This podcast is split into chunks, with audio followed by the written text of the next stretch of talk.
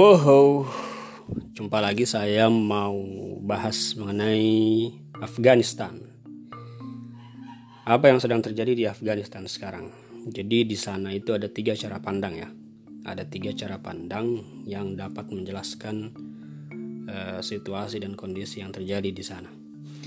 Dua cara pandang pertama saya anggap uh, uh, uh, sudah tidak tepat lagi untuk digunakan.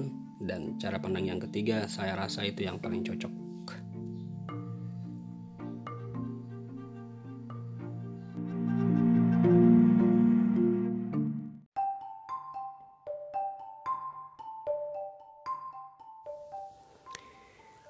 Wow, hmm, saya mau cerita mengenai Afghanistan ya. Uh, sekarang kan negara itu lagi ramai-ramainya dibincangkan di berbagai media. Media sosial online ataupun yang offline.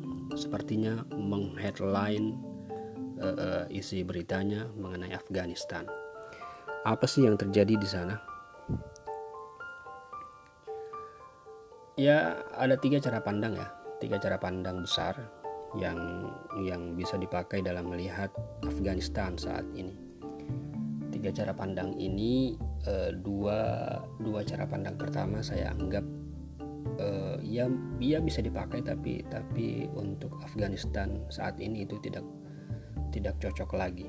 Sedang satu cara pandang lainnya itu yang saya anggap uh, sangat cocok untuk menjelaskan apa yang terjadi di sana